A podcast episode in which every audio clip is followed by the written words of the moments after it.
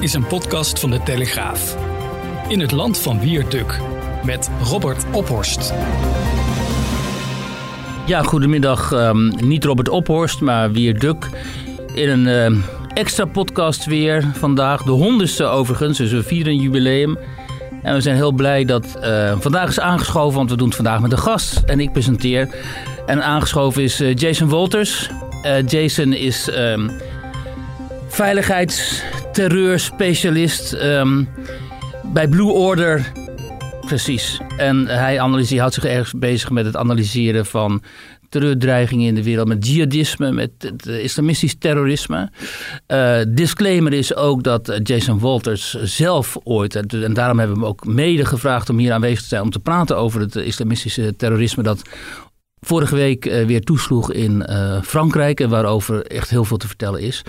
Um, niet de reden, hè, Jason is gewoon deskundige, maar hij is ook ervaringsdeskundige omdat hij zelf ooit deel uitmaakte van uh, de Hofstadgroep en zelf geradicaliseerd was. Um, uh, dus hij weet precies wat er in het brein van de islamistische jihadisten omgaat. En Jason, nou dat zal algemeen bekend zijn, is gederadicaliseerd, heeft een masters... Um, in Leiden aan de Leidse Universiteit uh, behaald en werkt nu dus uh, als onderzoeker. Uh, heel fijn dat je hier kunt zijn, Jason. dank je wel, welkom. Ja, dank je wel. Dank je wel. ja, we hadden het er net toen we even koffie haalden al over. Um, het zijn troebele tijden. Mm. En het zijn hele, hele, interessante tijden misschien ook wel. Op een beetje een macabere manier. Het is een beetje of de wereld gek aan het worden is, ook onder invloed van corona. Um, maar toen vorige week die melding kwam van um, die Franse leraar uh, mm -hmm. geschiedenis en aardrijkskunde Samuel Paty, dat hij werd onthoofd door een uh, Tsjetsjeense jongen. Hè, wat voor mij als oud-correspondent in Rusland heel symbolisch was. Want ik heb de Tsjetsjeense oorlogen meegemaakt. Ik heb gezien hoe de Tsjetsjeense rebellen radicaliseerden. Hoe het Wahhabisme naar Tsjetsjenië kwam. Hoe onder invloed van die radicale islam uit uh, Saoedi-Arabië... die Tsjetsjenen ook van een gematigde Soefi... Uh, aanhang overgingen tot het radicalisme. En dat eindigt dan uiteindelijk met zo'n jongen die daar op zijn 18-jarige leeftijd dan uit, uit um, monden van Allah een um, vertegenwoordiger van de verlichting, zo zie je dat dan in Frankrijk het hoofd afsnijdt. Um, -huh. Ik neem aan dat jij dat eigenlijk ook zo ziet. En wat, wat denk jij dan op zo'n moment? Hoe kijk je daarnaar en wat is dan je reactie? Ja, kijk, het is natuurlijk een afgrijzelijke gebeurtenis. natuurlijk heel schokkend. En in die zin, het is natuurlijk weer zoveel, zoveel teken aan de wand van... joh, er gaat iets gruwelijks mis. Met, ja. Weet je, die islamistische netwerken en die ecotopen... waar heel, veel, heel lang voor gewaarschuwd wordt. Hè. Wat dus, zijn dat, ecotopen? Ecotopen zijn zeg maar uh, sociale omgevingen. Dus gewoon wijken als bijvoorbeeld Molenbeek... Uh, waar uh, op een gegeven moment dan de meerderheid van de bevolking... of, of van de populatie dan islamitisch is... Mm -hmm. Waar ja, radicale uh, moslims, islamisten of salafis uh, als het ware een soort van belangrijke plekken nemen in dat sociale speelveld. En waar je dan ziet dat ze eigenlijk een soort van parallele samenleving als het ware creëren. Dus, dus waar iedereen zeg maar, heel religieus is, waar sharia-normen worden opgelegd, afgedwongen of nageleefd in elk geval. En waar je een soort van parallele wereldjes gaat zien die losstaan van de bredere samenleving, die broeihaarden worden voor radicalisering en voor extremisme. Mm -hmm. Dus bijvoorbeeld zoals bijvoorbeeld Molenbeek in België, uh, waar je dan ook bijvoorbeeld weer ziet dat er uh, bijvoorbeeld een heel groot gedeelte bijvoorbeeld van, van buitenlandse strijders uh, naar ISIS bijvoorbeeld hebben afgereisd. Of waar bijvoorbeeld een terreur, terreur, terreurverdachte, bijvoorbeeld zoals die die voor een van die jongens, uh, Abdesalam bijvoorbeeld, Precies. die bij Bataclan betrokken was, die heeft daar gewoon, uh, die heeft daar gewoon maanden letterlijk gewoon rondgelopen. Die heeft ondergedoken gezeten. Werd beschermd eigenlijk door een gemeenschap daar. Althans, hij werd niet verraden, laat ik het zo zeggen. Hij werd niet verraden en hij liep daar rond in de buurt waar hij ja. was opgegroeid. Het ja. is niet dat hij in een of andere buitenweg van Marseille zat of zo, waar nee. niemand hem persoonlijk kende. Nee, hij groeide. Hij zat gewoon letterlijk tussen zijn oud-klasgenoten, zijn buren, zijn familieleden. En hij liep daar gewoon vrijheid op straat rond en niemand verlinkte hem. Omdat mm-hmm. er gewoon zeg maar, een hele grote interne cohesie is en een soort van grote afkeer en wantrouwen naar de buitenwereld toe. En die buitenwereld zien zij als nou, natuurlijk sowieso verwesterd natuurlijk, want het is een westerse samenleving, maar ook uh, uh, zien ze die echt als de haram, zeg maar, iets waar je verder van moet houden. Als heidens. Ja. Ja. Gewoon heidens. Het zijn, uh, het zijn gewoon ongelovigen. Het zijn heidenen. En, en ze wilden zich juist daarvoor voor afschermen en beschermen. Omdat ze, omdat ze dat als, een, omdat ze dat als antithetisch zien. Uh, gewoon ja, als letterlijk het tegendeel van, van, van de islam, zeg maar. En ja, die, die, die islamitische ecotopen, dat, uh, ja, die produceren de hele tijd dit soort gasten, als het ware. Ja. Extremisten, radicalen. Eh, radicalen uit het buitenland, die kunnen er als het ware gewoon prima vertoeven. En, eh, maar ook gewoon de, ja, de normale moslimgemeenschap daar als het ware, die, die, die radicaliseert ook. Waardoor het een soort van collectief fenomeen begint te worden. Maakte jij zelf dan deel uit ook van zo'n ecotoop destijds met die Hofstadgroep? Had jij je afgezonderd van de, de- zeg maar, de, de- onze samenleving? Eh, Deed je ook echt een poging om je daarvan af te zon- zonderen om niet daardoor aangeraakt of besmet te raken, bij wijze van spreken? Ja, nee, zeker. Want ik bedoel, zeker als, als, als je als radicale moslim heb je een soort van smetvrees, als dat kun je, kun je bijna zeggen.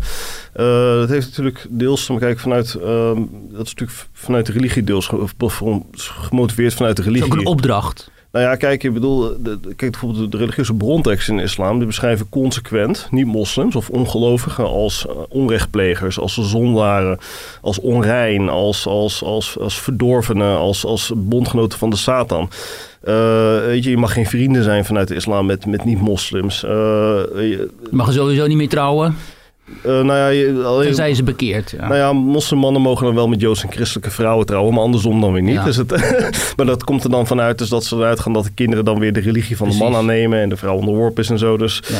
dus het is, inba- er zit een soort van inbalans in. Dus, dus er, is, er is zeg maar een soort van, eh, ja, van- vanuit, vanuit zeg maar de religie zelf, die... ehm, ja, die, die, die trekt een soort van extreem zwart-wit dichotoom wereldbeeld op. Waar je alleen moslims en ongelovigen hebt. En de eerste zijn hartstikke goed en de tweede zijn gewoon puur kwaad. En wat is aantrekkelijk? Kijk, jij, wa- jij was natuurlijk heel jong. Hè? Jij was eigenlijk, eigenlijk nou, net na de puberteit eh, speelde dit. Als, of in de puberteit begon dit te spelen. En jullie waren zo 18, 19, 20 meen ik toen, toen dit allemaal eh, in, in gang eh, Mhm. kwam. Wat is het aantrekkelijke daarvan? Nou ja, kijk, het is natuurlijk een religieuze traditie. Hè? Het is 14 eeuwen oud. Het is een hele grote religie. En het, ehm, ja, kijk, het, het, het- kijk, voor mij in de tijd althans was het zo dat eh, die zoektocht zeg maar, begon eigenlijk echt na 11 september. Een, een poging tot duiding. Een vorm van vereming van wat betekent dit? Wat is de historische impact hiervan? Want het was heel duidelijk, dit is een, een, belangrijke historische ontwikkeling. En, en wat betekent dit? Dus een poging om, om, om, om, het- om de werkelijkheid te kunnen duiden, als het ware. En eh, dit is natuurlijk een soort van, nou ja, een soort van totalitair framework, als het ware, die letterlijk alles zinvol maakt en betekenis geeft. Het lijkt eh, als het ware een soort van hele goede analyse te geven van heden, verleden en toekomst. En één grote alomvattende religieuze visie. Dus het is een soort van, het, creëert een soort van wereld waar alles zijn plek heeft en waar alles, ehm, ja, en, en waar natuurlijk alles, waar God overal aanwezig is en waar je, hè, waar het hel en paradijs wacht en waar alles gewoon duidelijk is en betekenis heeft. Maar wacht even, want wat voor, waar voor ons 9-11 dus een aanslag was op de vrije wereld... Hè, en Mhm. op het hart van de westerse ook democratie... was het dus voor radicale moslims, en jij was dat destijds... een soort verzetsdaad vanuit de islamitische wereld... tegen het imperialistische Westen. Nou, ook, maar ook nog meer een soort van, eh, een soort- van eh, nou ja, het is ook een soort van overwinning. Hè? Dus, dus eh, van een soort van een, mar- een markeren van een soort van islamitische revival. Want eh, kijk, het, eh, je- dit moet je in een soort van bredere context zien.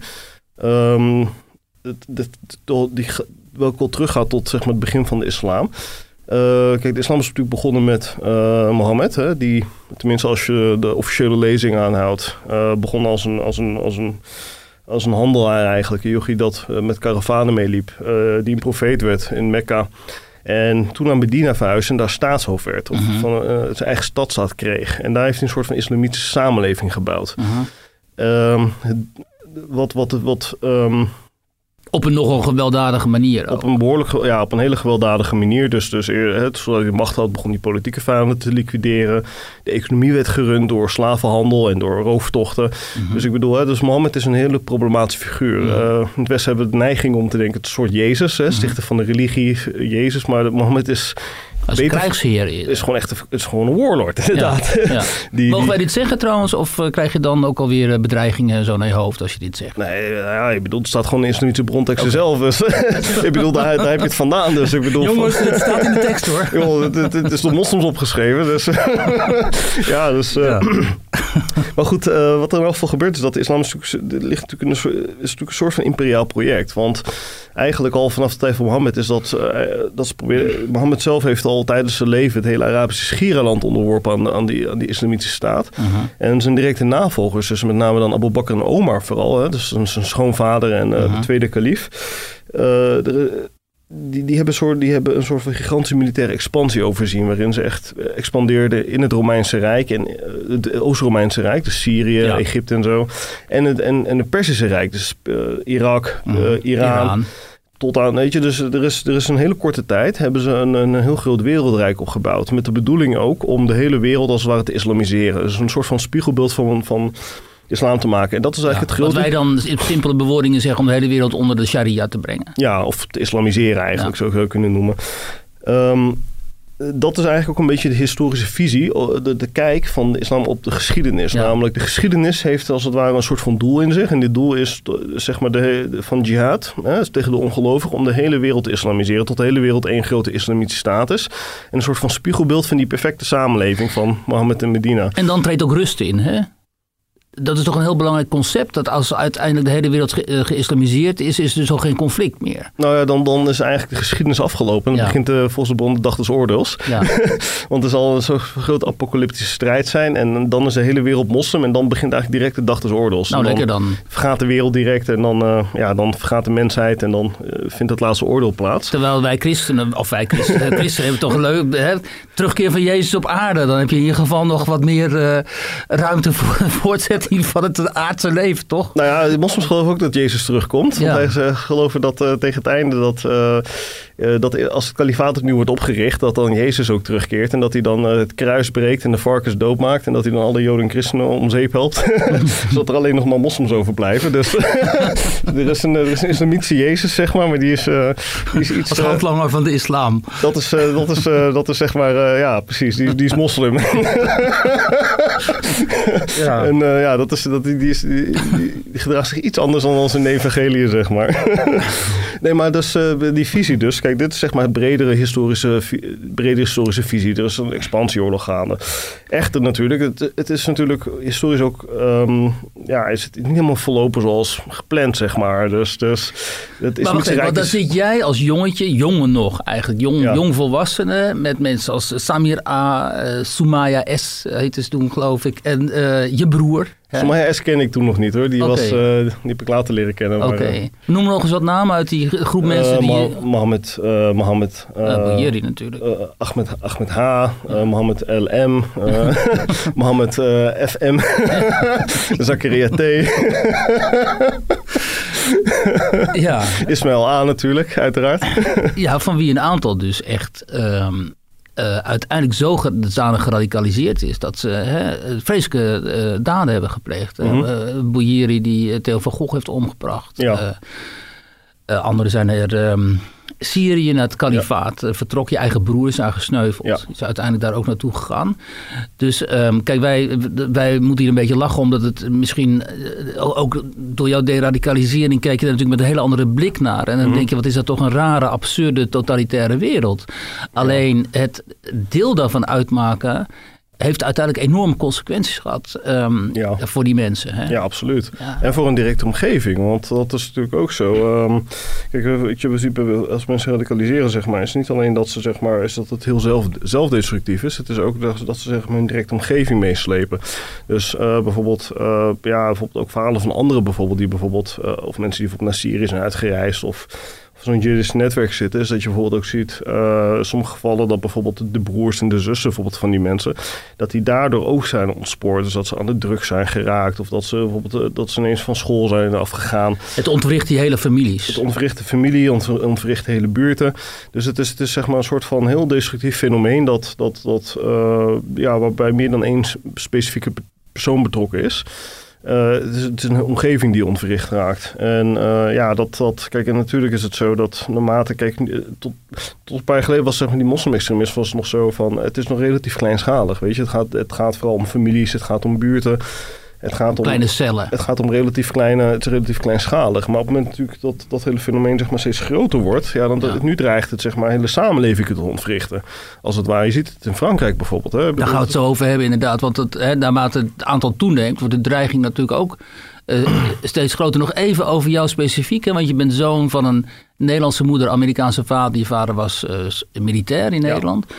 En hoe kom je, komt iemand als jij, je komt dus niet uit die islamitische gemeenschap. Hoe, hoe kom je nou opeens ehm, daar in terecht? Hoe verzeil je daar in, in, in, in zo'n hele gesloten wereld waarin een heel totalitaire manier van denken heerst? Uh, nee, klopt. Ik ben van huis uit christen.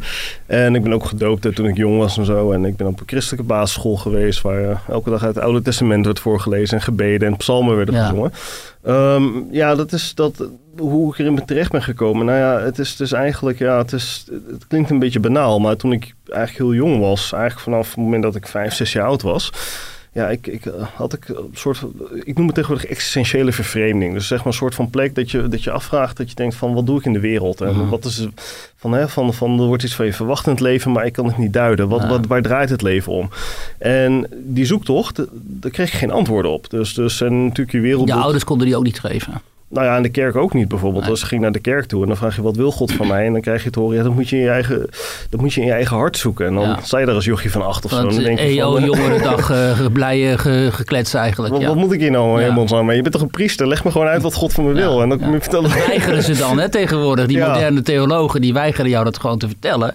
En dan sta je nog meer met lege handen. Het is, het, is, een soort van duiding eigenlijk. En, en, en uh, ik heb natuurlijk dat werd verergerd doordat ik ooit een nachtmerrie kreeg toen ik heel jong was. dat ik in de hel zat en verbrand werd en dat mijn huid eraf viel en zo dat soort dingen. En uh, ja, dus, dus ik, het was een soort van, van impuls van, van, van wat een soort van vervreemding, het niet thuis zijn in de wereld en, en uh, het idee van ik, ik, ik, ik, ik moet zeg maar uh, erachter komen wat God van mij wil, want anders dan uh, beland ik in de hel en dat wilde ik dus niet. En toen ik op een gegeven moment, toen mijn ouders gingen scheiden, want toen mijn ouders, ik was tien of elf, toen zijn mijn ouders gescheiden. Mijn vader is toen in Veenendaal gaan wonen in de migrantenwijk, uh, waar, ja, de meeste, ja, waar de meeste mensen die daar wonen waren Turks of moslim, Turks of Marokkaans of Somalisch of weet ik veel, moslims over het algemeen. Daar ben ik met de islam voor het eerst naar gekomen. En wat me eigenlijk direct opviel, uh, want in het begin dacht ik van de islam is natuurlijk een hele rare traditie, een soort hindoeïsme, weet je, exotisch en vreemd. Maar het bleek heel erg vertrouwd te zijn. Uh -huh. Het, is natuurlijk, het knoopt natuurlijk aan, want ik ken natuurlijk het Oude Testament van de Bijbel heel erg goed. Of dat was ik tenminste, dat, uh, dat, was, dat, ja, dat, dat was ik ook zo'n beetje mee opgegroeid, zeg maar. En uh, de islam had zeg maar gewoon, de islam is zeg maar ook, is ook een soort van geplagieerd jodendom in zekere zin kun je zeggen. Want ja. het is, het is, hè, het is, hebben gewoon de Joodse... Beduurd verwoord daarop, ja. Ja, en ze hebben het aangepast en gearabiseerd. En, en die oude Arabische religies zijn er ook in geabsorbeerd, zeg maar. Er zitten nog die maar het is, het is, een bekende traditie. Dus dezelfde profetische traditie, hetzelfde soort van monotheïsme. Het is alleen allemaal, ja, ik vond het allemaal, het was allemaal nooit consistenter, logischer en helderder. En, en een hele duidelijk afgebaken identiteit. Dus zoals die, die jonge moslims, die eigenlijk helemaal niet bijzonder religieus waren. Gewoon van die standaard straatmarokkanen die je zeg maar heel in Nederland kunt vinden.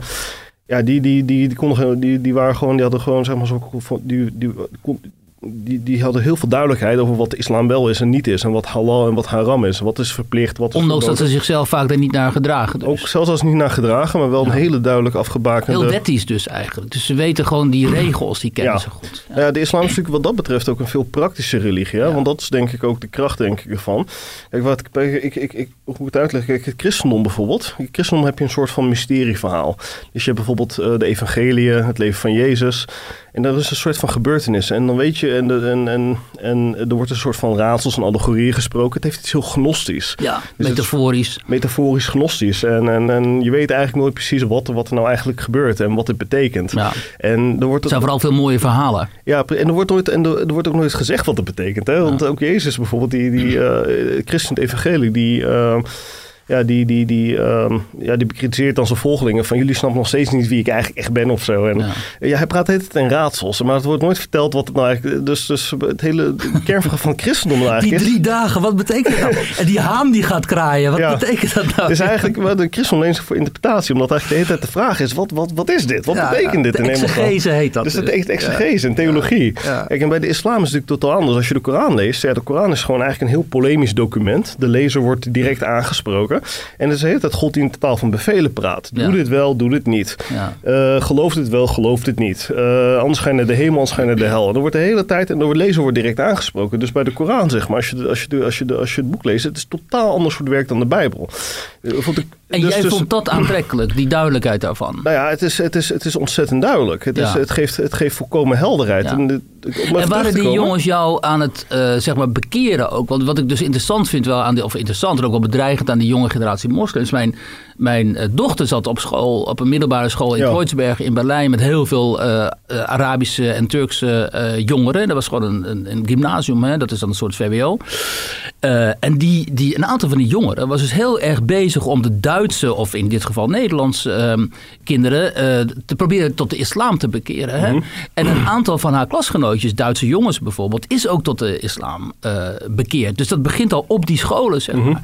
En zij was daardoor ontdaan. Ze dacht van, ja, wat krijgen we nou zeggen? Je, je moet niet... en ook tegen haar werd gezegd, dat op een gegeven moment kreeg ze een stiefmoeder, die was Turks. Dus. en, en toen zeiden die Turkse meisjes tegen haar, jij gaat nu toch zo je wel de hoofd toedragen, want je stiefmoeder is Turks. Hè? Die komt uit de islamitische gemeenschap. Uh, dus je had ook geen idee hoe dat dan uh, hier in Nederland uh, ging. Maar het was dus. En opeens werd ze ook geaccepteerd door die meisjes. Want ze had nu een Turkse stiefmoeder. Weet je, dus al die uh, die nuances en zo. Um, en ook die, die, al die strategieën, zeg maar, die werden ingezet om te proberen die kinderen op 13, 14, 15-jarige leeftijd al bij hun groep te krijgen. Was het ook jouw ervaring destijds toen je met die Marokkaanse jongens begon om te gaan? Um, ja, ik zou zeggen dat nog niet. Uh, het was niet zo geprononceerd. Uh, kijk, het, het, ik bedoel, kijk, in mijn geval was het natuurlijk ook van. Ik, ik, er was ook heel veel interesse aan mijn kant, dus zeg maar.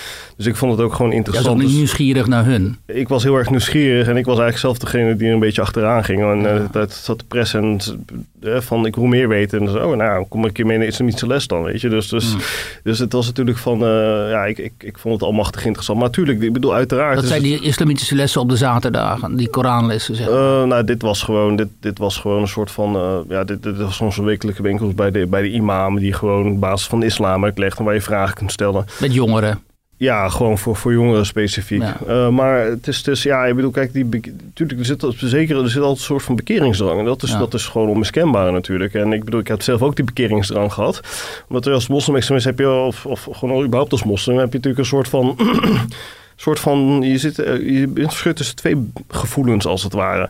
Enerzijds is een soort van, van, van, uh, soort van totale minachting en afkeer voor ongelovigen, want die zijn, die zijn, hè, die zijn, die zijn van, van de duivel, die zijn vies, die zijn onwetend, die leven als het ware een soort van uh, heidendom en, en, en viezigheid en, en uh, dat. En als er dan ook nog zo, als er dan ook nog vrouwen zijn, zoals die Nederlandse meisjes, dan mag je. Ja, alle... dan zijn ze onkuis en dan ja. zijn ze, dan zijn ze dan het eigenlijk, ja, dan zijn het eigenlijk gewoon immorele vrouwen, zeg maar, ja. als ik het op een beleefde manier zeg.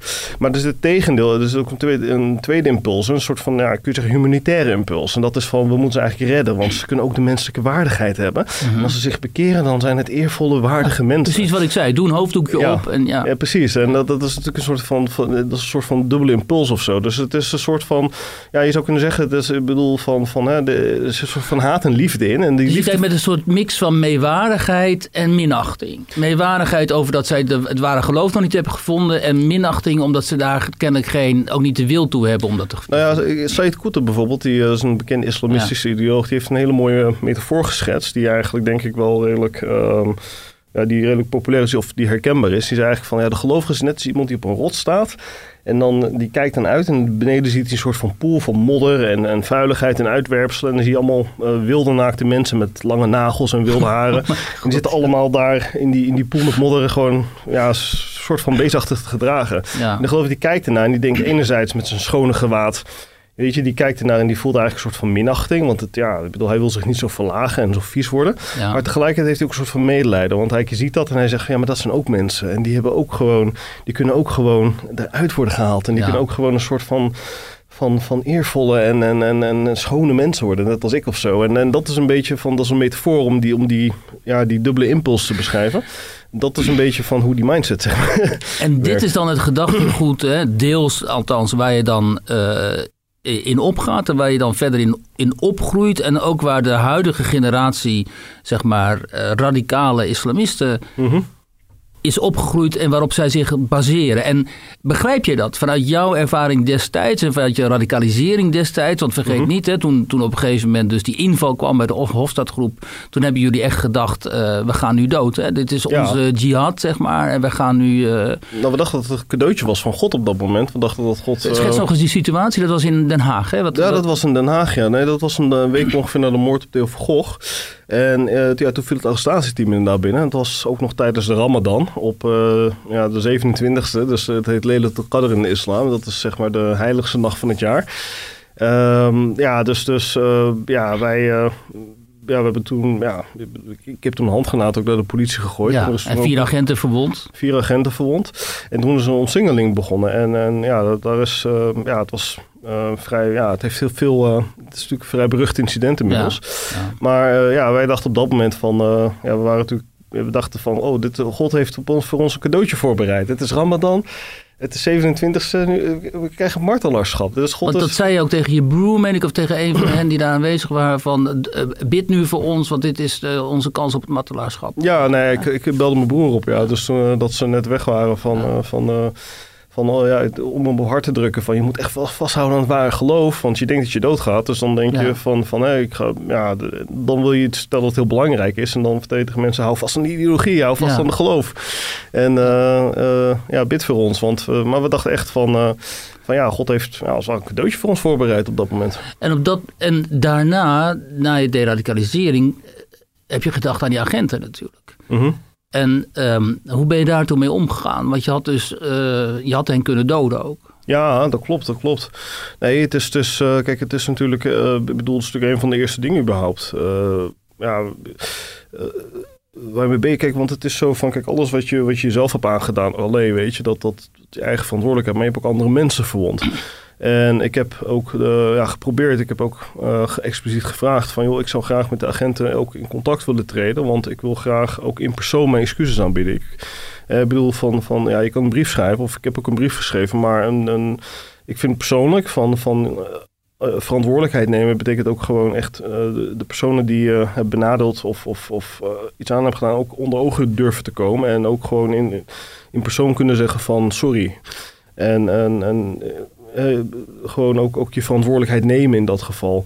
Ehm, ja, ik heb teruggekoppeld gekregen, want ik weet natuurlijk niet wie het zijn. Nee. Eh, eh, bedoel, in de tijd maskers op en ook in de, in de politiedossiers alleen met codenummers aangeven. Dus ik heb geen idee ehm, wie het zijn. Dus ik, kan alleen een, een verzoek neerleggen bij justitie van ik zou graag, ik zou op prijs stellen om ehm, eh, een persoonlijke ontmoeting te hebben. En ik heb teruggekoppeld gekregen van, eh, van ja, er is geen behoefte aan. Mhm. Dus, dus, eh, dus wat mij betreft, ja, het staat open, de uitnodiging voor altijd. Maar ja, het is, het is En hoezeer knaagt dat aan jouw geweten? Of kijk je naar diegene, die persoon die toen die handgranaat gooide als een totaal iemand, eh, ander iemand? Hoe, hoe ga je met zoiets om, moreel? Ehm, hoe ga je ermee om? Nou ja, kijk, het, het, het zit je gewoon dwars. En het is natuurlijk iets wat je wel gewoon graag. ehm, daarom, daarom wil je natuurlijk ook gewoon eh, ja, in persoon eh, sorry kunnen zeggen. En eh, dat echt af kunnen sluiten. Kijk, het is natuurlijk zo. Kijk, natuurlijk zit je niet elke dag mee of zo. Dat, dat, zo werkt het natuurlijk. Je bedoelt dus, dus van, hé, je, bedoel, je, je leeft gewoon je leven, je vergeet het. Maar soms dan, dan denk je eraan. En, en ja, het is, het is. Maar goed, het is wat ik zeg, kijk, het is op dit moment is zo van, kijk, op het moment dat ehm, dat, dat, eh, dat, dat, dat je teruggekoppeld krijgt van, joh, voor ons hoeft het niet, we hebben er geen behoefte aan. Ja, dan, dan, dan houdt het voor nu op, zeg maar. Want je, je mogelijkheden zijn op dat moment min of meer uitgeput, zeg maar. Dus Ja. ja, Maar het feit dat je inmiddels zo intensief met dat onderzoek naar die islamistische terreur en zo bezighoudt, is het ook misschien een poging om dat verleden niet alleen te verklaren, maar ook om dat verleden nu voor iets positiefs in te zetten. Bijvoorbeeld voor een beter begrip in de samenleving eh, voor het gevaar dat, eh, waarmee wij geconfronteerd zijn. Ja, natuurlijk, absoluut. Ik bedoel, het is, het is, het is eh, kijk, het- je bent intiem vertrouwd met de, de ontwrichting en met, met, de, met hoe destructief dit fenomeen is. Het is echt een heel gevaarlijk fenomeen. Ehm, ook nog eens onderstreept dat op het moment dat je, nadat je er zelf uit bent en, en je denkt eigenlijk alles achter je te hebben gelaten, dan begint het glazen met je broer, zeg maar. Die, Ja. En, en dan kwam, kwam, kwam, kwam dat hele ISIS op en al die uit, Want jouw broer is echt met zijn gezin nog op iets van 27-jarige leeftijd of zo afgereisd naar het kalifaat. Hè? Ja, met zijn drie kinderen. Hij was de vader van drie kinderen. Uh, hij en zijn vrouw zijn toen met, uh, met het hele gezin zijn ze naar het kalifaat uitgereisd. Ja, want zijn vrouw was net zo geradicaliseerd dan. Ja, ja, ja, dat, uh, ja ze waren allebei zo, zeg maar. Dus, ja. Dus ze wilden graag in een islamitisch land wonen, hè, onder, ja. onder de sharia. Want ja, ik bedoel, de aanname is, je kan alleen echt een moslim zijn in een islamitische staat. Ja. Je kan niet in een heidens land leven en, en, en echt een moslim zijn. Want islam is zeg maar een, een totale religie die het, het, het, het private en het publieke domein omvat. Ja. Dus, dus ja, dat is eigenlijk een beetje de. Dus, dus je moet per se in een islamitische staat wonen. En hij is bij een bombardement in Raqqa om het leven gekomen. Ja, ja, ja. En uh, nou ja, een van de redenen is natuurlijk van, uh, ook voor mij is van, van uh, kijk, er is natuurlijk al vanaf vroeg af aan, dus dat, dat was al eigenlijk, ja, merkte ik al zeg maar een soort van hele grote discrepantie in het publieke debat en het fenomeen zoals je dat kent, van, van joh, dat, het lijkt niet op elkaar. Dus, dus, dus hè, bijvoorbeeld de neiging, bijvoorbeeld, vroeger was dat veel meer dan tegenwoordig het geval is overigens. Maar um, ja, dat, dat uh, weet je, een soort van westers navelstaren, zou ik het maar noemen. Dus, dus het idee van alles wat daar gebeurt, is eigenlijk, ligt, het allemaal de schuld van de samenleving. En het zal wel iets met racisme te maken hebben, of met een gebrek aan stageplek of zo, weet je, dat, dat, dat soort discours. En eigenlijk helemaal geen oog hebbend en eigenlijk ook geen benul hebbend van, van de aard van, van, van joh, dit, dit, dit is gewoon een soort van eigen wereld. En een fenomeen dat je op eigen voorwaarden moet begrijpen. Dat is het omdat wij niet goed de, de kracht van religie begrijpen? Dat ook. En uh, nou ja, kijk, er zijn meerdere dingen die spelen. Kijk, het is, kijk, menselijk, menselijk, het is normaal menselijke neiging om te projecteren. Dus projecteren betekent dat je eigenlijk ervan uitgaat dat een ander min of meer hetzelfde denkt en handelt als mhm. jezelf. Dus een, bijvoorbeeld de gemiddelde westerling zal waarschijnlijk denken van... nou ja, die kan zich helemaal niet voorstellen van waarom zou ik ooit terrorisme doen of zo. En dan ga je nadenken, nou, dat moet ik wel heel erg onderdrukt worden hoor. Dan zou ik me dit eens voor kunnen stellen of zo. En mhm. dan zo, weet je, zo kom je erop. En er zit, er natuurlijk ook van, we zijn natuurlijk geen geschiedenis of contextloze samenleving. Dus er zijn natuurlijk allerlei al um, door onze eigen geschiedenis... Uh, verklaringen als het ware voorhanden. Eh, dus bijvoorbeeld die marxistische basisinterpretatie bijvoorbeeld. Dus dat, dat bijvoorbeeld menselijk gedrag of, of bewustzijn als het ware zo min of meer ja, het product is van... van Sociaal-economische omstandigheden. Sociaal-economische omstandigheden. Dus dat bijvoorbeeld. Eh, dat zijn eigenlijk al zeg maar interpretaties die al beschikbaar zijn en waar mensen op teruggrijpen. Omdat je, uh, omdat het, kijk, je probeert eigenlijk alles binnen je eigen referentiekader te pushen. dit het is heel belangrijk om even te zeggen. Mensen vragen zich natuurlijk vaak af waarom is het op op links dan, zoals het heet, vaak zo dat dit soort gedrag, dit soort extreem gedrag ook van dit, dit type jongeren, uh, waarom um, uh, schrijft links dat zo snel toe aan sociaal-economische omstandigheden? Dus opgroeien in arme buurten, in, uh, in arme gezinnen, geen kans, geen stage, hè, geen, geen buurthuis in de buurt en zo. En dat komt natuurlijk inderdaad, zoals jij zegt, vanuit die marxistische traditie, waarin wordt gesteld dat mensen, het gedrag van mensen en zelfs zeg maar de, de, het denken van mensen. Um, een weerslag is van de maatschappelijke positie die zij, uh, of waaruit ze voortkomen, uit de sociaal-economische omstandigheden waarin ze zijn opgegroeid. Um, en in dit geval gaat het inderdaad helemaal niet op. Eh, maar dat, die vraag moet ik misschien aan jou stellen. Uh, gaat, uh, ik zou zeggen, het gaat niet op omdat bijvoorbeeld de, de, de aanslagplegers van 9-11, deel daarvan kwam gewoon uit wel, welvarende families. Dus het waren geen arme jongens uit Sloebers, uit een ghetto, die dachten van we gaan wraak nemen op het kapitalisme of zo. Dit, wa, dat, dit waren hele andere, ja. dit had een hele andere achtergrond. Ja, het gaat natuurlijk ook uit van de aanname dat, dat, dat mensen zeg maar, op dezelfde manier naar de wereld kijken en van dezelfde dingen boos worden. En dezelfde manier, min of meer gedragen of zo. Het, het, het, als het ware, het, uh, het is blind voor uh, gewoon hele fundamentele cultuurverschillen, zeg maar, die er onder andere bestaan. En hoe verschillend uh, werelden kunnen zijn. Kijk, we hebben natuurlijk. Uh, kijk, uh, dat is bijvoorbeeld ook een beetje waar ik altijd. waarom ik een beetje de kriegels krijg van het hele idee van multiculturalisme of zo. Omdat het hele idee van multiculturalisme. dat. ja, dat vooronderstelt eigenlijk van cultuurverschillen. stelt allemaal niet zo heel veel voor. Dat is allemaal heel oppervlakkig. Dat. ja, ze eten wat anders en ze, ze hebben misschien wat andere gewoonten of zo. Maar het is allemaal oppervlaktefenomenen. Maar diep van binnen zijn we allemaal min of meer hetzelfde. Terwijl als je daadwerkelijk echte cultuurverschillen bekijkt. bijvoorbeeld met islam bijvoorbeeld. van joh er zit een heel ander, heel fundamenteel ander wereld en mensbeeld zit eronder. Er zit een heel andere kijk op de geschiedenis onder. Er zit een heel ander soort van. Heb je het dan over de islam as such of de geradicaliseerde versie van de islam? Want daar hebben we ook nog altijd geen uitsluitsel over.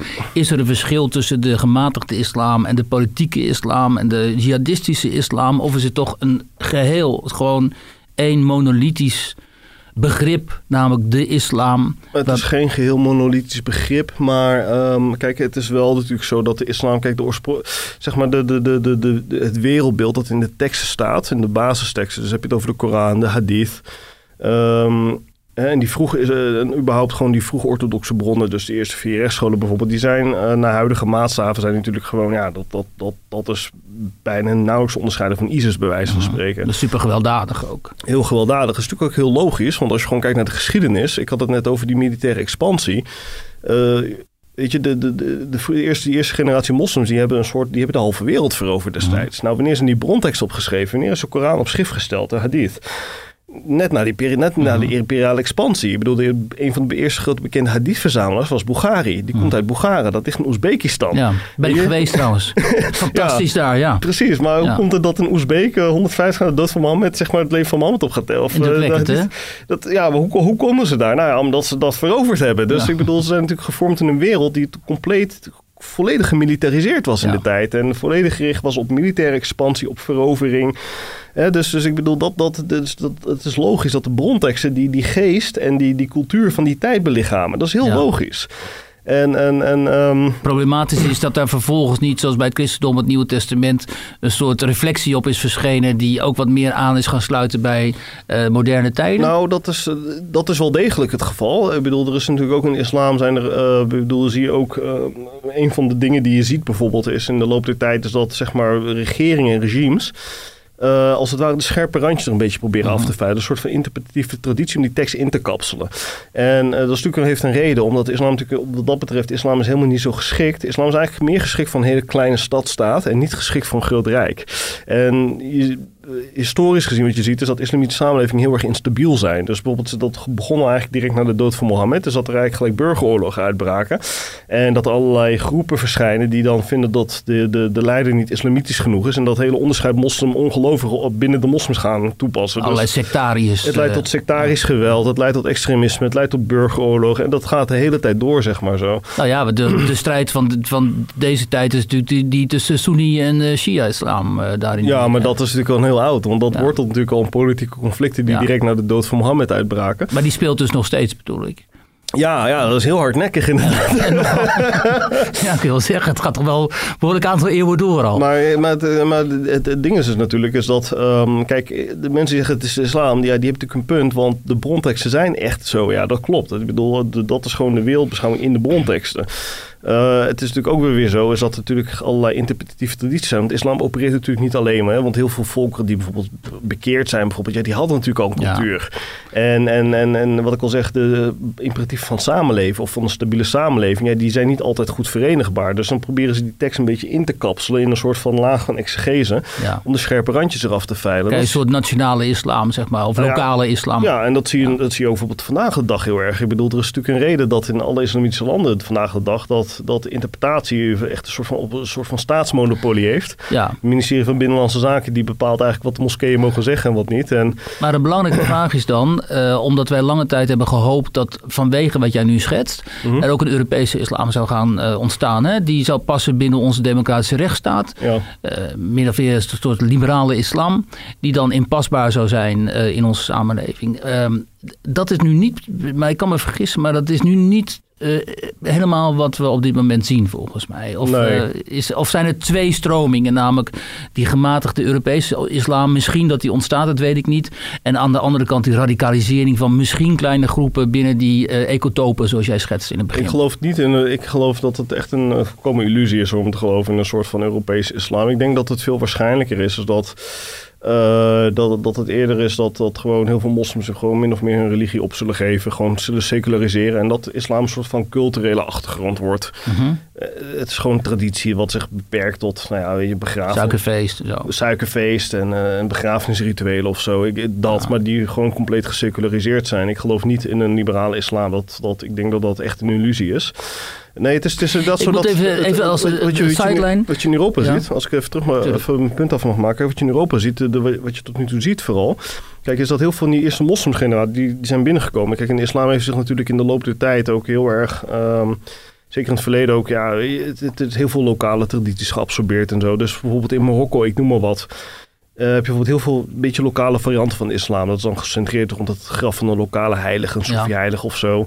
Weet je, en dat is dan eh, in een, in, een, in een dorp waar alleen de imam de boeken heeft en kan lezen en schrijven. En, en is iedereen aangewezen op de imam. Dus je hebt een soort van, een soort van structuur om een soort van, eh, soort van culturele islam te kunnen schagen.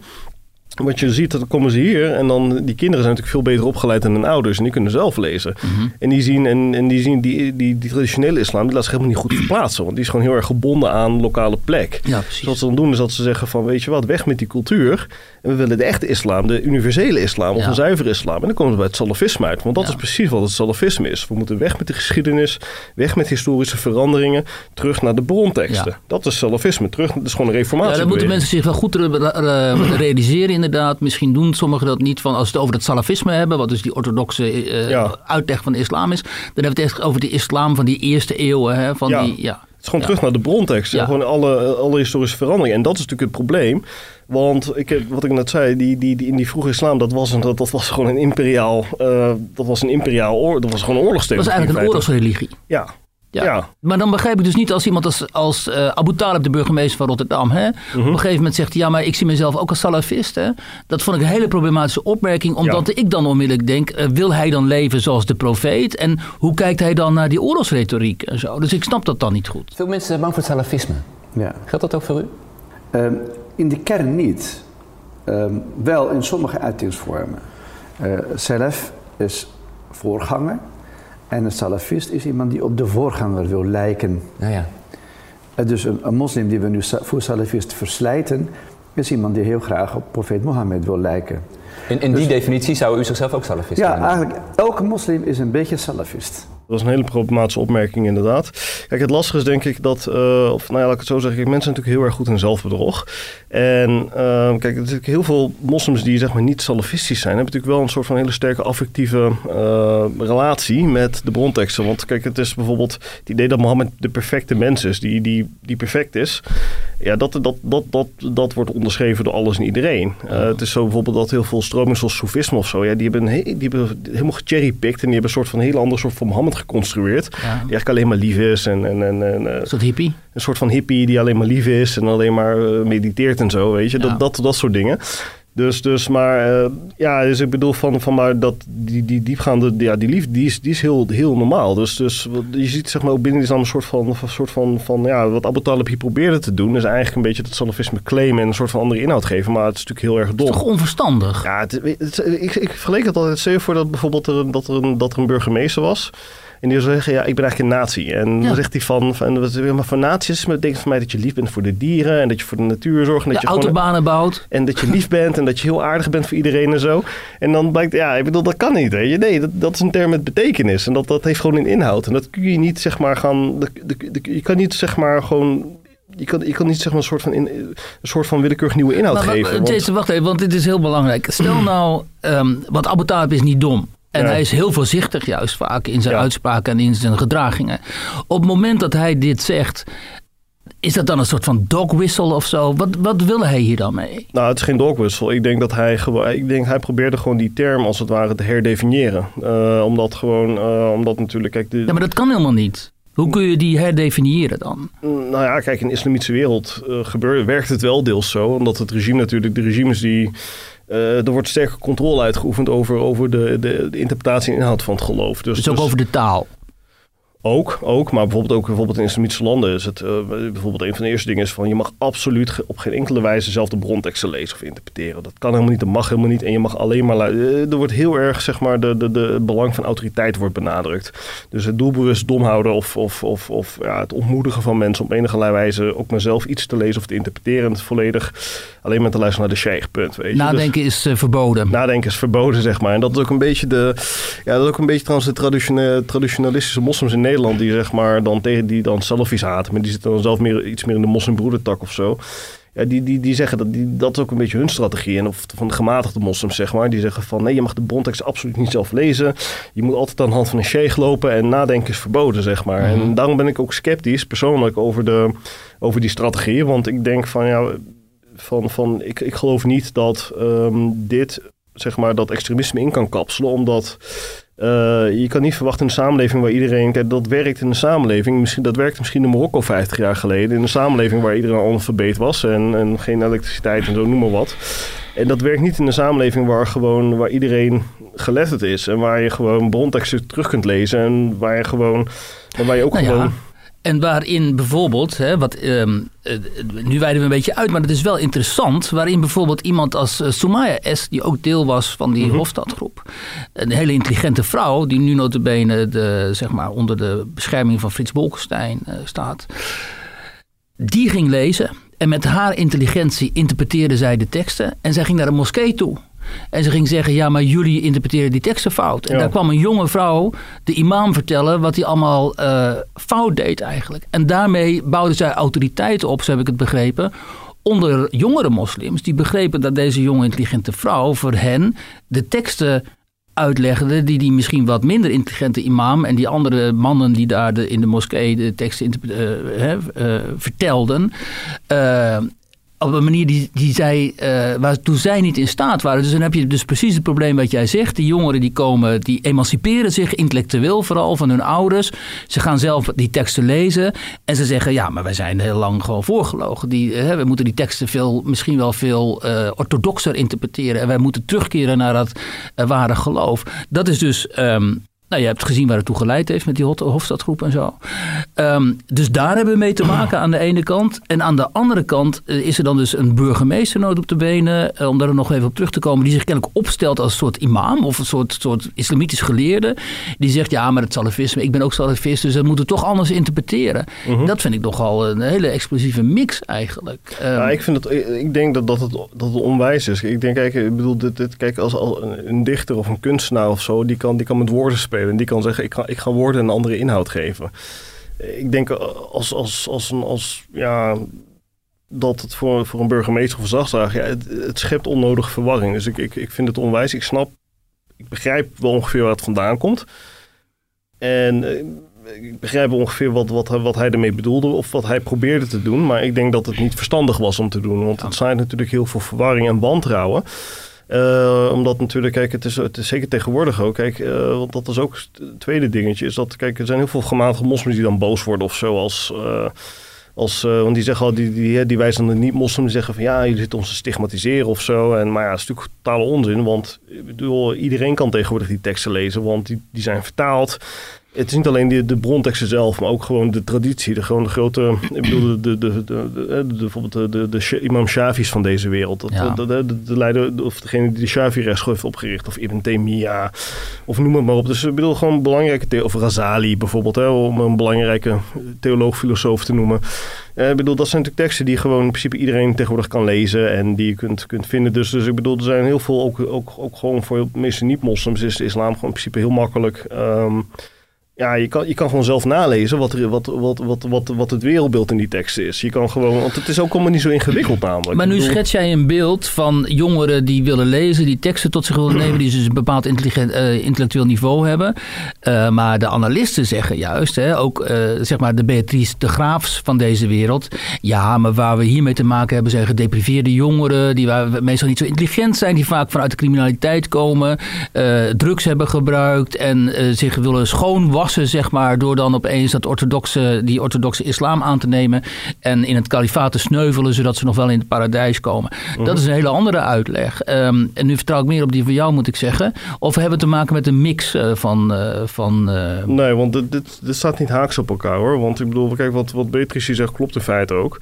Want het is natuurlijk zeker ISIS die, die, die, die probeerde ook echt dit soort ehm, ja, jonge criminelen, zeg maar, islamitische criminelen, echt daadwerkelijk te recruteren. mhm. Eh, met een beroep op ehm, van, van joh, eh, je, kan, je kan het halal maken. Je kan gewoon letterlijk eh, een levende criminaliteit kun je gewoon halal maken door...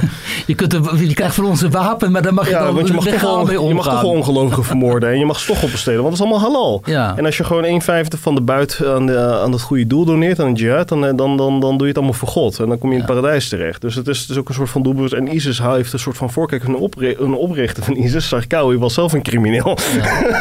dat is gewoon typisch zo'n, ja, het was gewoon iets, het was gewoon een, een, een, een, ja, een soort van fanatieke en iets, bo, iets, iets slimmer dan gemiddelde. Gewoon, ja, het, we zouden tegenwoordig gewoon een ja, Marokkaanse straatcrimineel Ja. of een, een Jordanische straatcrimineel Ja. in dit geval. Maar het was zelf een crimineel. Dus Ja. ik bedoel, ISIS heeft natuurlijk een soort van natuurlijke voorkeur voor jongens van de daad. Die gewoon Als je het hebt over gangster-islam, dan is IS dus wel ongeveer de vertegenwoordiger daarvan dan. Nou ja, nou, ISIS ziet in die gangsters zeg maar gewoon het soort van... eh, dat zijn mensen die geen praatjes hebben, maar die gewoon handelen zeg maar. En die gewoon ook geweld durven te gebruiken. En ook gewoon...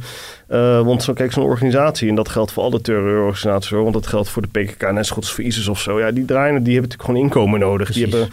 Ja, die hebben, die, die, dus, ik bedoel dat... eh, Die draaien op smokkel. En op, eh, smokkel en drugshandel en, en, en, en beroving en afpersing en zo. Want die, die, die hebben, die hebben gewoon geld nodig. Gijzelingen. Gijzelingen, dus die hebben een soort van inkomstenstroom nodig. Dus ik bedoel, ze hebben natuurlijk ook mensen nodig die ook een soort van criminele praxis hebben. Want dat is gewoon de basis waar je organisatie deels op draait. Eh, heel simpel gezegd. En eh, kijk, het, probleem- het leuke is natuurlijk van, jij kan al die leuke Saudische studentjes hebben die allemaal eh, eh, heel, een halve levende matrassen zijn opgesloten. de keurig baardje. Ja. Ja, precies. De Koran uit hun hoofd kennen en zo. En die hebben ze natuurlijk ook nodig. Want dat zijn de ideologen of de mensen die zeg maar eh, de andere tak doen. Maar de, echt de praktische kant van zo'n organisatie runnen. Ja, daar heb je natuurlijk ook gewoon mensen van de praktijk een beetje nodig. De gangsterinfanterie. Ja, precies. En dat zijn ook nog eens mensen die eh, in hun ogen ook nog eens, ja, ook nog eens een beetje weer stra- streetwise zijn. Dus Ja. ook, nog- ook nog gewoon een soort van eh, ongeveer, ongeveer weten van, eh, ja, ik bedoel, die hebben te maken met eh, opsporing door de politie en dergelijke. Dus dus ook een soort van straatwijsheid hebben. Ja. Dus het is een soort van logisch eh, dat ze die proberen te recruteren, zeg maar. Laten we eens kijken, hè, want we, we komen bij de actualiteit dan. Ehm, ehm, wat er nu gebeurt hier in het eh, Westen. Hè. Ehm, eh, Macron, meen ik, heeft gezegd... eh, de islam in het Westen is eigenlijk een eh, religie in crisis. Ja. Als ik zo kijk, dan zie ik dat de islam misschien wel eh getroubleerd is. en dat het veel mensen oplevert met een identiteitsprobleem in westerse samenlevingen. Precies vanwege de reden die jij geschetst hebt. Het is heel moeilijk om als gelovige moslim, lijkt mij, in het westen te functioneren. Omdat je de hele tijd bent, wordt geconfronteerd met allemaal beelden die je eigenlijk helemaal niet wilt zien. En waar je bijvoorbeeld je kinderen, of vooral je dochters, niet aan bloot wilt stellen en zo. Ehm, maar ik zie ook dat die eh, islam niet zozeer in crisis is, maar juist steeds krachtiger van zich laat horen. En omdat het Westen en onze leiders en onze bestuurders en gezagsdragers zo, eh, zoveel slappe knieën hebben. Steeds meer, zeg maar, ehm, het, het dominant wordt in, in heel veel opzichten. Dus dat de islam zich hier zodanig doet gelden dat heel veel eh, niet-moslims geïntimideerd raken en toegeven aan eisen vanuit eh, de islamitische gemeenschap. Ehm, dat is mijn eerste vraag. Ben je het daarmee eens of niet mee eens? En B, ehm, wat vind je van de reactie nu in Frankrijk van eh, Macron, die heel duidelijk heeft gezegd: ja, nu gaan we echt de streep trekken. Hè, de, de Franse Republiek ligt onder vuur. Er wordt al gesproken in Frankrijk van een uh, guerre civile, dus een burgeroorlog. Ehm, Macron heeft de woede van de hele mos, de moslimwereld op, de, op zijn hals gehaald. Eh, Erdogan die wil hem geloof ik zo ongeveer gaan kiel halen, zo snel mogelijk. Ehm, kun je dat voor ons eh, schetsen? Hoe, hoe, is die islam nu in crisis of juist niet? En hoe moeten we daarmee omgaan? Moeten we ermee omgaan met die dreiging op de manier zoals nu in Frankrijk gebeurt? Ehm, Hebben we überhaupt wel de handvaten om daarmee om te gaan? Het islam een crisis is, ja, dat hangt een beetje vanaf hoe je, hoe je. Hoe je, hoe je ernaar eh, Is het een, een, een stervende religie eigenlijk? Wat jij ook schetst op een gegeven moment. Heel veel moslims zullen uit- uiteindelijk cultuurmoslims worden... en af, afstand nemen of afscheid nemen van eh, het religieuze moment. Nou, die- dat, dat, dat is natuurlijk nog een beetje de grote vraag. En dat is ook de vraag van wat, wat betekent ISIS wat dat betreft. Want ISIS heeft bijvoorbeeld een van de... ehm, ISIS heeft bijvoorbeeld, een, ja, bijvoorbeeld best wel veel radicalisme ook gewoon echt de mainstream ingeduwd, eh, zeg maar. Maar het heeft ook weer geleid bijvoorbeeld in, in het Midden-Oosten dat er ook voor het eerst echt een openlijk atheïstische beweging is. Bijvoorbeeld die van, van mensen die zeggen van als dit islam is, wil ik er niks mee te maken hebben. Dus het is een beetje een soort van tweesnijdend zwaard. Maar als, je- als je kijkt naar Europa bijvoorbeeld en wereldwijd de afgelopen, eigenlijk sinds 1979 is het zo dat de islam wel heel duidelijk aan een opmars bezig is. Dat is de revolutie in Iran, hè? Ja. is in 79. In, de, in, in Saudi-Arabië, de, de, de, de gijzing van de, van de Mekka-moskee en ook de inval in Afghanistan door Ja, de Russen inderdaad. destijds. En dat Ja. waren eigenlijk de drie cocktails die, waar het moderne islamisme eigenlijk, of islamitische heropleving eigenlijk uit voort is gekomen. Maar ehm, ja, kijk, weet je, het, is, kijk, het lastige is natuurlijk, kijk, de islam is een vorm van identiteitspolitiek. Hè? Ik bedoel, als we het toch hebben, want we zien nu ook identiteitspolitiek. Dit is ook een, dit is gewoon, maar dit is een hele oude vorm van identiteitspolitiek. In zekere zin is natuurlijk die islamisering van moslims in Europa is eigenlijk onvermijdelijk, denk ik. Omdat, ehm, kijk, de islam gedijt optimaal in een omgeving, in, in een niet-islamitische omgeving. Omdat daar namelijk die hele islamitische identiteit gewoon optimaal ehm, zichzelf kan articuleren, zeg maar. Dus, dus, dus, dus kijk, in een islamitisch land is het heel moeilijk om zeg maar, echt een moslim te zijn. Omdat Ja. iedereen moslim is, Ja. zeg maar, bij wijze van spreken. Of eh, cultureel moslim. Kijk, hier is het zo, is dat moslim heeft een hele duidelijke betekenis. Want het is gewoon, je staat letterlijk haaks op je omgeving. Ehm, kijk, voor, bijvoorbeeld hier, wat, kijk, ons probleem hier denk ik in het Westen is, is dat wij, eh, kijk, wij zien bijvoorbeeld het secularisme als een soort van neutrale identiteit. En dat komt voort uit onze eigen traditie van, van hè, we hebben te maken gehad met godsdienstoorlogen, met religieuze verdeeldheid, katholiek, protestant, noem het maar op. En secularisme is eigenlijk een soort van neutraal punt, dat, dat niet vanuit een bepaalde denomina- denominatie komt, maar een soort van neutrale manier van ordening Precies, van de samenleving. De, de kern is het secularisme eigenlijk Ja, geworden. Ja. Is, is, is dat. Maar voor moslim natuurlijk is het zo dat secularisme is gewoon goddeloosheid. Ja, dat is gewoon de, de tegen- de antithese van de islam. Dus het is gewoon niet islamitisch. Dat is gewoon moslims niet moslims. Dus, dus wat, je, wat je eigenlijk ziet is dat zeg maar, die, die, die, die identiteitspolitiek wordt in een omgeving als het West denk ik juist sterker gemaakt in zekere zin. En kijk, en op het moment dat je natuurlijk een klein aantal moslims hebt, kijk, dan, dan assimileren ze waarschijnlijk wel op termijn. Maar op het moment dat ze, dat ze met, met veel zijn en bij elkaar gaan wonen, in, bijvoorbeeld in wijken of ehm, een eigen ecotoop kunnen bouwen, dan zie je juist dat ze heel erg hun eigen identiteit steeds meer af gaan schermen. En dat ze steeds, ehm, ja, dat ze steeds islamitischer ook worden, omdat ze zich afzetten tegen de omgeving. En dat is eigenlijk een beetje die, die, die- dat probleem. En je ziet nu ook bijvoorbeeld in Frankrijk, waar het probleem eigenlijk het grootste is, omdat ze ook gewoon de grootste gemeenschap hebben. Ehm, ja, dan, dan, dan zie je eigenlijk al van, joh, dan krijg je een soort van parallele samenlevingen waar de moslimbroeders de dienst uitmaken, waar de salafisten de boel overnemen. Waar de hele culturele islam al lang en breed verdrongen is en iedereen een soort van islamist is. En die staan op een voet van, van ja, een soort van, die staan in een soort van inherent conflict met de samenleving. En dat, dat, dat zie je ook overal. Ik bedoel, als je bijvoorbeeld, ehm, bijvoorbeeld de steunbetuigingen vanuit bijvoorbeeld de Franse moslimgemeenschap aan, aan de moordenaar van, de, van Samuel Paty. Ja. En eh, bijvoorbeeld en, en dan eh, gewoon hele normale common sense antiterreurmaatregelen die Macron neemt. Dus joh, we moeten gewoon een paar van die radicale moskeeën ontbinden. Of een paar van die zogenaamde liefdadigheid die ze hebben lopen ophitsen. Dan wordt dan gelijk, dan wordt gelijk de islamofobiekaart getrokken. En dan, Ja. islamisten zitten nu alweer het gerucht te verspreiden, er wordt er genocide voorbereid op ons. Weet je, het, het, Nou ja, Erdogan, Erdogan zegt notabene zelf, hè, wat er nu met de moslims in Europa gebeurt, Ja. is te vergelijken met wat er met de Joden voor de Tweede Wereldoorlog gebeurde. Dat is dus pure opruiming van, Dat met vanuit een bevriend hè, na, NAVO of hè, Nou ja, bondgenoot. Het vraag is nog hoe lang zijn ze nog lid van NAVO? Want als ze met dit soort eh, geintjes door blijven gaan, dan zal het natuurlijk ook niet heel lang meer duren. Want het is natuurlijk op een gegeven moment, lijkt mij althans, dat het ook afgelopen is. Ja, maar op het Maar- moment dat wij zeggen, hè, dat, zeg, of het moment dat, eh, als je uit de- aan de zijkant staat, is heel makkelijk te zeggen van doe eens iets. eh, ga de, zet mensen uit, eh, gooi moskeeën dicht. Maak gewoon korte metten met het radicale gedachtegoed. Dan zeggen die, onze politici van ja jongen, alles goed en wel, maar we hebben hier met honderdduizenden mensen te maken. En kijk, we willen niet polariseren, want precies wat jij zegt, de steunbetuigingen vanuit ook die quasi-gematigde islamitische organisaties en zo, die stromen binnen. Dus ik snap ook wel dat onze politici geen burgeroorlog willen riskeren. Nee, kijk, het lastige, kijk, het, het, het, kijk, nou, ja, er zitten hier zitten een paar problemen mee. Ten eerste is natuurlijk, ehm, voor, voor lange tijd, zeg maar, is, is, is het zo dat, ehm, ja, heb je een soort van, er was altijd de hoop van, het is een tijdelijk probleem. Dus, dus, dus het is van, het zijn gewoon integratiestrubbelingen, als het ware. Geef ze een stageplek en het komt goed. Ja, maar ook van, van eh, naarmate, zeg maar, eh, met elke generatie zal die band met die afkomst steeds losser worden en zal, zal assimilatie steeds verder geschieden. Dus de volgende generatie zal waarschijnlijk wat meer geseculariseerd zijn en wat meer zich sterker met Nederland identificeren Ja. of met Europa of zo. Dus, dus, dus zeg maar. Dit is zeg maar een soort van. Dit zijn groeipijnen van. van eh, dit, zijn, zijn groeipijnen die gepaard. die zeg maar noodzakelijk. of die zeg maar logisch samenhangen met, met integratie, zeg maar.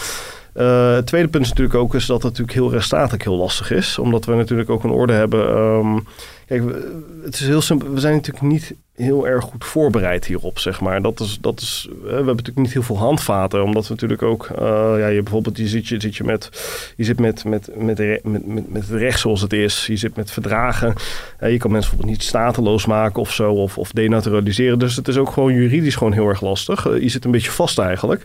Je ziet zelfs met migratie. Ze kunnen bijvoorbeeld niet eens illegale migratie aanbanden. Nee. We kunnen niet eens illegaal uitzetten, bij wijze van spreken. Dat gebeurt niet eens. Ik bedoel, hoe kun je dan zeg maar mensen die al wel breed genaturaliseerd zijn wel uitzetten? Ja, maar op een gegeven Maar- moment komt er natuurlijk een einde, denk Ja. ik dan, aan het, eh, de mate waarin je zeg maar ehm, eh, de wet, onze eigen rechtsstatelijkheid, de schuld ervoor kan geven dat dit probleem door kan woekeren. Nou ja, kijk, het, het- je ziet nu eigenlijk op met Frankrijk, eigenlijk, waar dit vers voorgeschreven is, is dat je eigenlijk met een.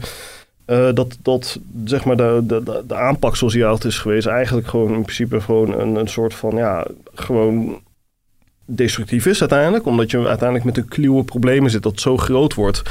Is dat er eigenlijk ook op termijn steeds draconische maatregelen zullen moeten zijn om het op te lossen. Dat is eigenlijk een beetje de, de denk ik, de, de, het grote dilemma. Eh, waarvan ik denk nog, waarvan misschien ook een discussie moeten voeren. Ja, moeten we dit wel in de, in de voeten van de volgende generaties gaan schuiven? Want kijk hoe erg het probleem wordt, hoe dieper het probleem gaat zitten.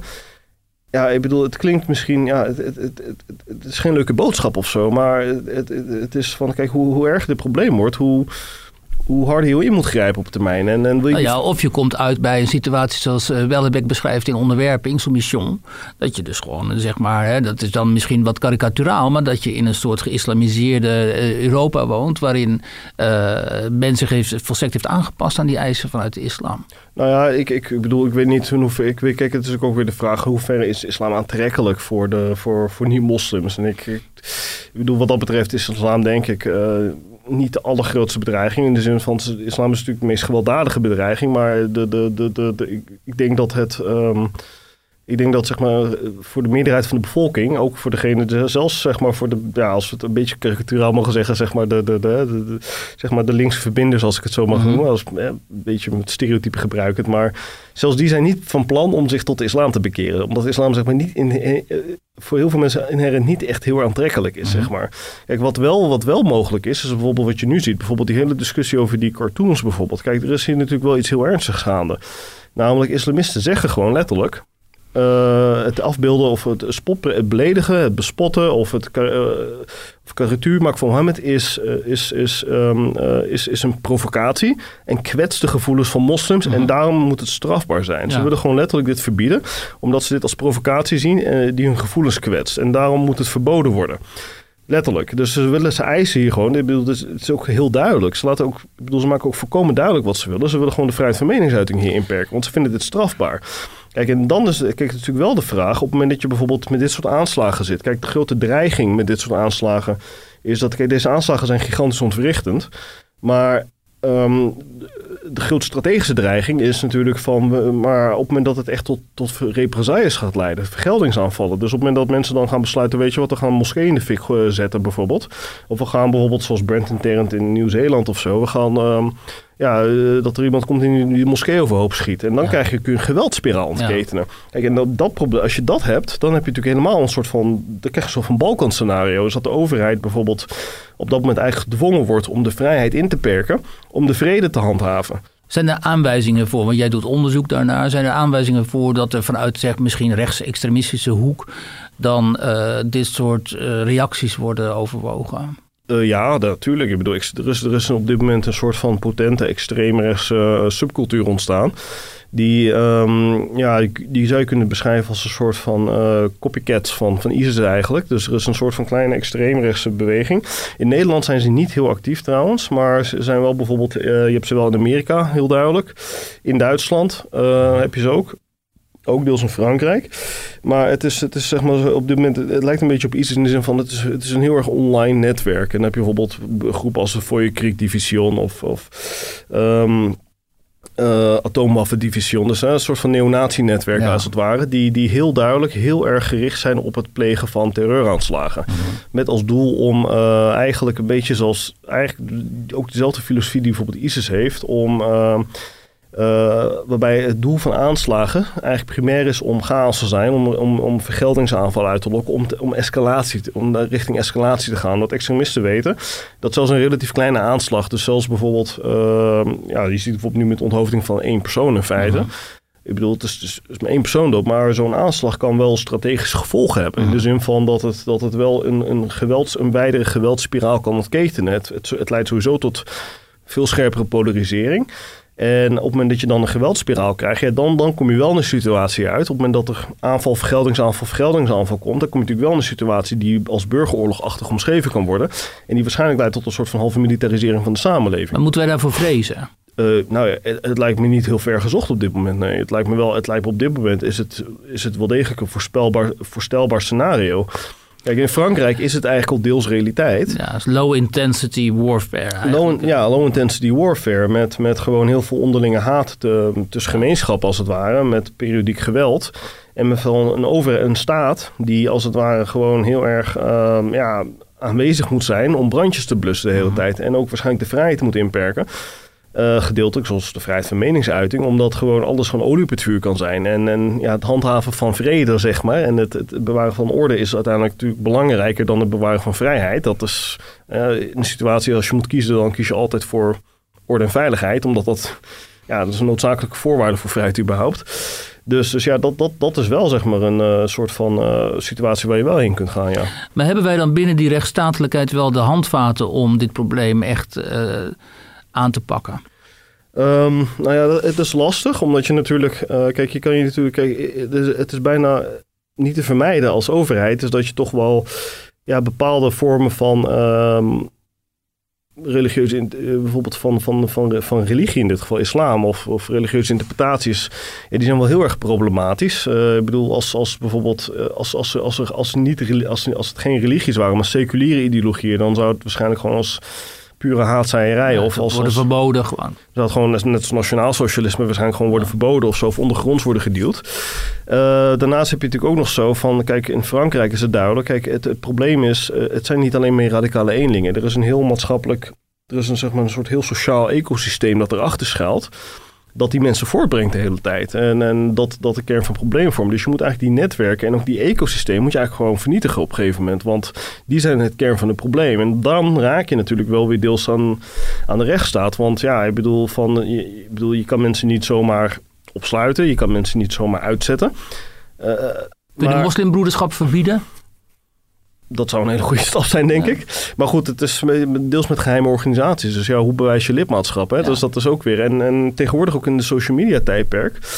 Kijk, eh, een van de, denk ik, grote ontwikkelingen, denk ik... ehm, met bijvoorbeeld ook, dat zie je bijvoorbeeld ook in huidige terroristische netwerken... is dat er een soort van verschuiving is van de klassieke organisatie...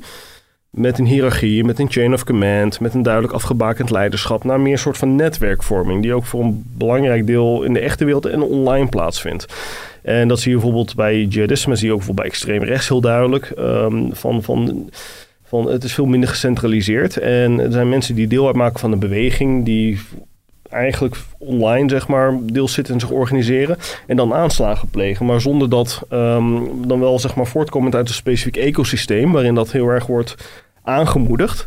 Maar zonder dat er zeg maar echt een formele organisatie bij zit die ook een communiqué uitvaardigt, Ja. om iets te noemen. Ja. Dat zie je dus, dus, dus, dus, dus, dus, dus het, ehm, het specifiek aanmerken van hele specifieke organisaties als de moslimbroederschap bijvoorbeeld. Is, ehm, ja, de vraag is natuurlijk van, ja, maar wacht eens even. Dat, dat, dat is een specifieke organisatie met specifieke mensen. En hoe zit het dan met die sociale ecosystemen? Dat is breder. Dat is gewoon een, een stukje samenleving als het ware. En dat moet je eigenlijk proberen te ontmantelen, want dat is deel van het probleem hier. En dat raakt natuurlijk aan, aan ja, dat, dat, ik bedoel, eh, dat is de... Maar we hebben te maken met wijken waar de politie in Frankrijk al niet eens meer binnenkomt. Ja. Dus eh, dan, dan zou ik zeggen, nou veel succes ermee, maar dat gaat niet lukken. Nee, dat weet ik. Nee, dat, daarom is het zo problematisch. Want het is eigenlijk zo dat eigenlijk de rest dat hier tegen zijn uiterste grens aanloopt in Ja. zekere zin. En ja, je toch zult moeten nadenken van hoe moeten we met dit probleem omgaan. En, en kijk, en dan zit je heel snel aan mensenrechtenverdragen. Dan zit je heel snel aan godsdienstvrijheid. Dan zit je al heel snel aan...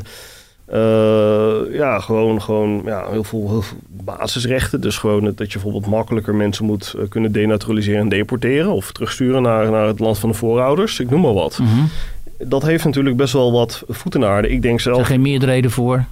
Nou ja, kijk, ik, weet je, kijk het, het risico dat je nu hebt... is dat je uiteindelijk je hand ge- geforceerd gaat worden uiteindelijk. Want, want kijk, ik bedoel, er is geen enkele overheid in Europa... die dit vrijwillig zou willen doen natuurlijk. Want dit is natuurlijk van... Kijk, niemand, helemaal niemand wil...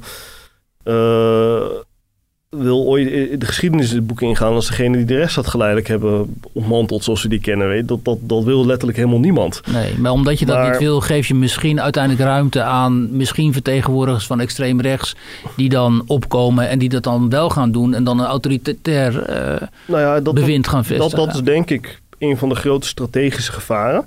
Is dat, kijk, je ziet bijvoorbeeld in Europa bijvoorbeeld ook, in West-Europa. Ik bedoel, de, de politieke trend van de afgelopen twintig jaar is best wel duidelijk in de meeste landen. En dat is namelijk eh, wat ze noemen de opkomst van het rechtspopulisme. En er is gewoon een hele duidelijke verschuiving naar rechts. En heel veel landen links, politiek links, is min of meer al lang een minderheid. Die eh, toch een soort van halve coma ligt. Waarbij ook een soort van revival van links gewoon eigenlijk totaal niet meer voor de hand ligt. En waar bijvoorbeeld in Frankrijk bijvoorbeeld al gewoon heel duidelijk is. Ja, je hebt een keuze tussen, tussen Macron de liberaal of het is Macron. Of eh, Le Pen bedoel ik. En Ja. dat is, ja, die staat dan te boek als extreem rechts. Ik weet niet of, het- of ze echt extreem rechts is, maar ik, ik ben zelf bang als, als Le Pen aan de macht komt en die kan het probleem ook niet oplossen, dat we dan echt moeten gaan, gaan Mm. vrezen. Maar ik bedoel, het is natuurlijk wel, het is natuurlijk wel die, die verschuiving is heel duidelijk. En, en ehm, ik denk dat, dat het natuurlijk ook wel echt serieus te denken moet geven van, joh, dit probleem moet echt gewoon ja, er, moet echt een keer spijkers met koppen worden geslagen. Dit moet opgelost worden voordat, voordat, voordat Europa straks gewoon overschakelt naar extreem rechts. Want dat is natuurlijk wel gewoon een lange termijn gevaar. Want dit, dit is zeg maar, dit is niet te tolereren. Maar we zitten nu wel gewoon met het grote dilemma van, hebben we eigenlijk wel het instrumentarium? Ik denk dat we daar wel serieus over na moeten denken. Hoe, kijk, en het is natuurlijk een hele vervelende, hele pijnlijke discussie, maar we kunnen ons ook weer niet echt veroorloven of zo om dit, om dit, om dit fout te doen. Ik denk, kijk, het is kiezen tussen gewoon verschillende eh, grada's van kwaadaardigheid. Ja. En, en kijk, het, het, het, het grote gevaar is op het moment dat dit door kan etteren als het ware. Of erger wordt, een schaal, dat, eh, dat uiteindelijk het kwaad dat je moet doen groter is. Dan als je nu bijvoorbeeld, ehm, als je nu bijvoorbeeld, eh, ja, dan als je nu bijvoorbeeld ingrijpt. Ik denk dat Macron dat nu ook heel duidelijk beseft. Ja, Want- die lijkt dat inderdaad te beseffen. Het lijkt toch wel een en dat, dan, dan moeten we ook gaan afronden. Maar dat lijkt inderdaad wel een soort eh, kentering misschien. Hè? Ja. Dat Macron nu wel heel duidelijk begrijpt, heeft hij ook geloof, gezegd geloof ik, van we zijn in oorlog en we moeten nu echt iets gaan doen om eh, dit probleem eh, op te gaan lossen. Ja, ja, precies. Dus ik bedoel, hij, ik denk dat hij nu heel duidelijk weet... eh, joh, we moeten deze netwerken in die ecosystemen... moeten ontmanteld worden, vernietigd worden eigenlijk. Ja, En we hebben geen keuze meer. Want kijk, en het is, kijk, in Frankrijk, wat ik al zeg, de keuze is helder. Want als hij het niet doet, ja, dan... dan de enige kandidaat waar die nog tegen, tegen runt eh, de afgelopen jaren... en ook de komende jaren, is gewoon is Le Pen. Le Dat is een enige alternatief op Ja. Macron op dit moment. ja, Dus, dus ja, het is, de keuze is heel duidelijk daar. ja. Zeg nog even ter afsluiting jou persoonlijk. Heb jij überhaupt nog eh, die mensen van vroeger, hè, waar jij destijds mee in contact zat, is dat eh, ooit nog iets van gehoord? Heb je... Als jij zo'n reportage ziet van eh Sinan Jan bijvoorbeeld over Samir A, kijk je dan en denk je dan, oh ja, dat komt allemaal bekend voor. De Sinan Jan is een re- programmamaker, die heeft een reportage gemaakt eh, afgelopen week, meen ik, was hij op tv, over eh, Samir A, een van de prominente Hofstadgroep eh, ja, terroristen. Nou nee, de- de- deze documentaire is natuurlijk een, een eh, bevestiging eigenlijk van, van wat je eigenlijk al wist. Ehm, namelijk Samir is nog steeds, ehm, ja, maakt nog steeds prominent deel uit van die jihad-beweging in Nederland. En is eigenlijk een van de grote, is het, is het echt in de top van die beweging. Eh, dat is natuurlijk, ja, dat, dat ehm, wist ik al vanuit, of- of- om andere redenen zeg maar, maar het is, het is geen verrassing. Mhm. Eh, ik bedoel, dat is, dat is eigenlijk een beetje ook in de lijn der verwachting, zeg maar, is dat heel veel eh, mensen die uit... ehm, ja, dat heel veel mensen gewoon blijven hangen, zeg maar. Dus, dus we hebben zeg maar ook in Nederland een soort van kijk erop van... Iemand wordt veroordeeld en dan gaat hij de gevangenis in en dan is het afgelopen. Mhm. Terwijl natuurlijk gewoon, ja, iemand komt ook weer vrij en dan gaat het leven weer verder. Dus Mhm. de gevangenis is zeg maar een soort van hoogte een, kleine, een klein hoofdstukje in een veel groter verhaal. En eh, ja, het, meer gebruikelijke patroon is dat mensen die, eh, is dat er eigenlijk zeg maar, dat mensen die op een gegeven moment het ouder worden gelouterd en door de wol geverfd, die gaan andere rollen vervullen in die netwerken. Die gaan leiderschapsrollen vervullen. Die gaan de logistiek doen, die gaan de organisatie doen, die gaan de, de cu- cultuuroverdracht, socialisering Mhm. en nieuwe generaties voorbereiden. En dat is precies wat Samir heeft gedaan. Hij is niet meer bezig bommen te bouwen, maar hij is wel gewoon, hij heeft wel echt een hele cruciale functie om die beweging als het ware te structureren en te organiseren. Mhm. Dus, dus eh, en, en ja, het is een ander soort van rol. Maar dat is, dat is, een, beetje de, ja, dat is een beetje het generatieverloop, zeg maar. En, en, en ja, je ziet gewoon van, van hoe hardnekkig dit is. Eh, ook gevangenis, ja, het is, het is weg. Ja. En Ja. Weet je, kijk, en natuurlijk kijk, en we zijn, ik bedoel, een van mijn kritiekpunten persoonlijk altijd op, ehm, op, op deels dat radicaliseringsbegrip is geweest, is dat het veel te, veel te eenzijdig op terrorisme is gericht.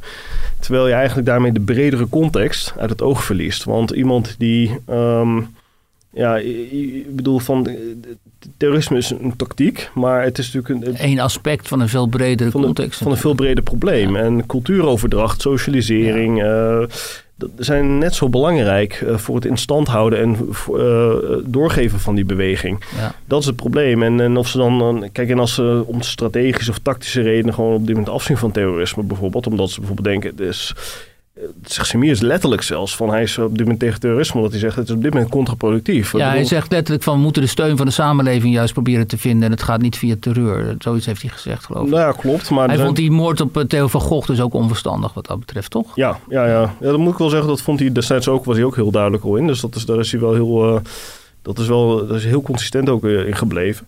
Maar dat, ehm, Maar ik bedoel, voor zo'n beweging natuurlijk, is dat, dat eh, kijk, die beweging is natuurlijk ook deels strategisch. Hè? Dus, dus op het moment dat ze bijvoorbeeld hard groeien en het gaat allemaal goed, ja, dan hebben ze geen belang erbij om dat te verstoren op dat moment. Dus waarom zou je iets verstoren dat goed gaat om iets Ja. te noemen? Dus, dus ik bedoel, van, van, ehm, we zijn heel erg eh, gefocust op terrorisme, maar we zien zeg maar onvoldoende dat dit soort, dat dit soort bewegingen zeg maar ook eh, andere strategische keuzes kan maken, omdat ze gewoon uiteindelijk een, hun primaire belang is overleven en voortzetten. Ja. Het is net als een soort van organisme, zeg maar. En dat ze dus ook aan kunnen passen. En dat het probleem dus ook ehm, op het moment dat, ja, zelfs, als ze, ze- zelfs op het moment dat ze niet bezig zijn direct aanslagen voor te bereiden, is het probleem niet weg. Eh, en eh, is het probleem er nog steeds. Het dus woekert gewoon voort, bedoel je. het woekert gewoon voort. En, en daarom, ja, dat, vandaar dat ik dus ook een beetje soms toch een soort van kritiek heb van, joh, sta je niet blind alleen maar op het terrorisme. Ja, ja, begrijp ik. Jason, heel veel dank. We hadden eigenlijk nog over de eh, woke eh, identiteitspolitiek op links willen hebben en zo. Ja. Maar daar komen we helemaal niet aan toe. Maar goed, het zijn hetzelfde type eh geradicaliseerd. dus ik kan wel even op die... Maar dan op links. Ja, Ja, ja, heel dus, herkenbaar allemaal. Ja, dus dan waren we in herhaling vervallen, vrees ik. ja, ja.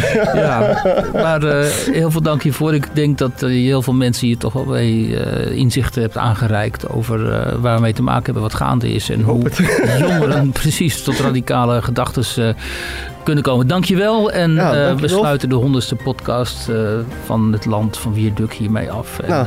tot de volgende keer. Oké, dankjewel, voor, dankjewel voor de uitnodiging. Graag Tot- gedaan.